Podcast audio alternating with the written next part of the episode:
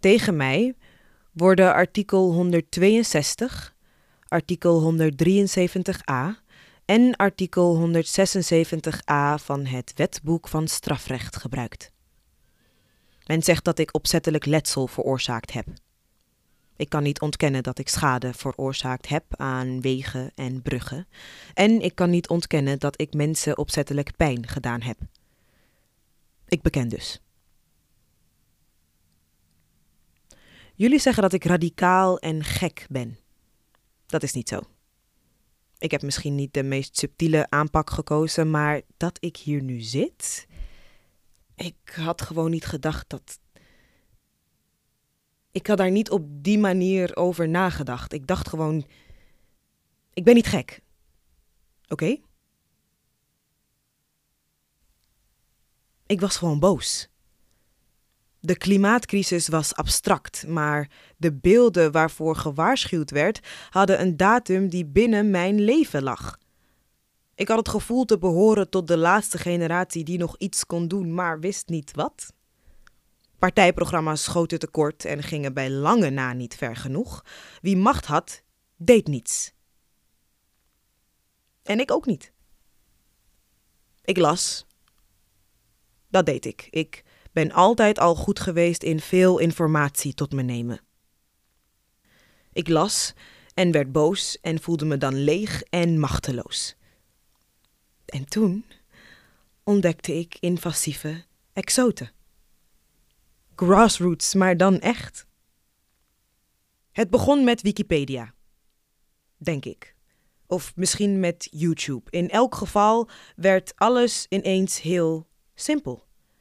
Deze planten waren al begonnen aan hun revolutie, nog voordat de mens in staat was de zijne te organiseren. En mensen vochten terug, maar het gevecht was duur en inefficiënt. Ik ben geen beweging begonnen. Ik heb me slechts aangesloten. Als je het weet, ga je het zien. In de berm, onder bruggen in kanalen. Het zijn de plekken waar je fietsen dumpt. De berenklauw en de duizendknoop en de waterwaaier. Dat zijn dus de planten die ik uitgekozen heb om mee samen te werken. Ik had eerder nooit kamerplanten, maar ik nam stekjes mee en begon in de keuken te kweken. Eenzame mensen moeten een hond nemen. Boze en teleurgestelde burgers moeten een reuze berenklauw gaan verzorgen. Ze groeien goed. Dat is een van hun voornaamste kwaliteiten. Het duurde niet lang voordat mijn hele appartement vol plantenbakken en aquaria stond. Naast mijn bed maakte ik een altaar met in versierde bakken de eerste planten die ik van elke soort had meegenomen. In overleg met hen maakte ik mijn plannen, besloot ik waar in de stad ze het best zouden woekeren, welke systemen ze het best konden ontwrichten. De Japanse duizendknoop kan asfalt, beton en waterleidingen aan. Een paar millimeter duizendknoop is genoeg voor een nieuwe plant. Dat plan was het simpelst. Zorg dat het overal terechtkomt. Het liefst aan beide kanten van een brug, aan de randen van een rotonde, in de tuinen van mensen met macht en geld. De duizendknoop is soldaat en offensief en gevaarlijk. De waterwaaier is de agent waterverkeer in onze strijd. Internationale vrachtvaart stoot jaarlijks 930 megaton koolstofdioxide uit. 930 miljard. 930 000 000 000 kilogram. Ik voelde me een buitenlandse spion terwijl ik met twee zakjes vol waterwaaier in mijn jas in de trein naar Rotterdam stapte. De mensen om me heen hadden een andere taal, andere gebruiken, een andere snelheid dan ik. Om niet op te vallen, ademde ik snel in en uit om zo gestrest als hen te lijken.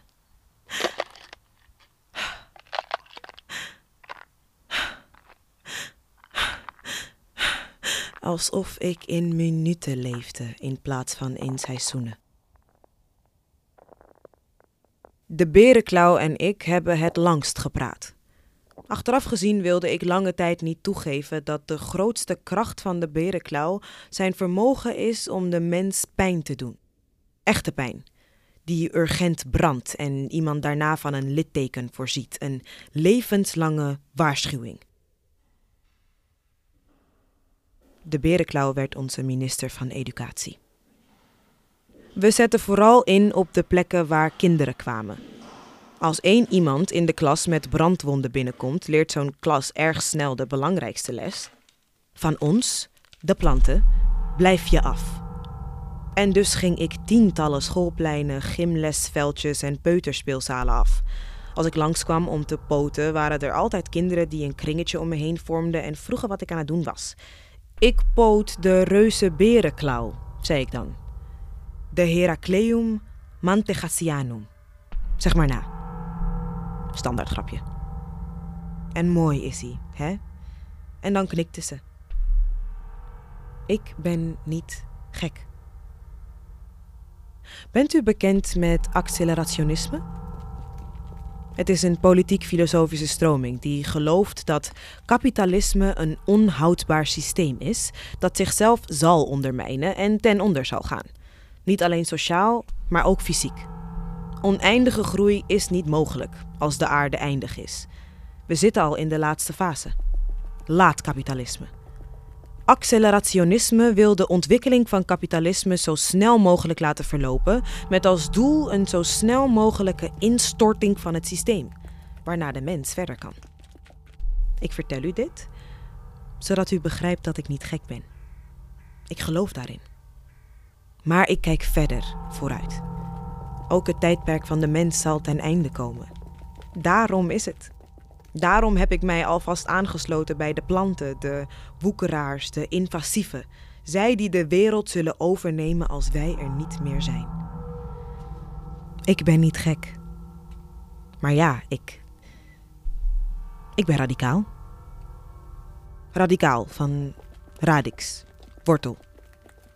Ik ben niet geïnteresseerd in symptoombestrijding. Ik wil de oorsprong uitroeien. Wie mijn gelijk wil ondermijnen met de uitroep dat ik radicaal ben, moet onthouden dat de status quo ook een positie is. Ik word zo meteen veroordeeld, maar stel je voor dat de planten een stem hadden in ons rechtssysteem. Hoe vaak zou de mens al voor genocide veroordeeld zijn? Ziet u nu dat ik niet gek ben? U bent gek. De wereld is gek. Ik begrijp de overwegingen van de staat, maar mij oppakken is symptoombestrijding. Ik woeker door. Ik zal mijn kop blijven opsteken en als ik het niet ben, dan iemand die op mij lijkt, een soortgenoot. Het is een kwestie van tijd voordat de planten het weer overnemen. Ik beken ongeduldig te zijn.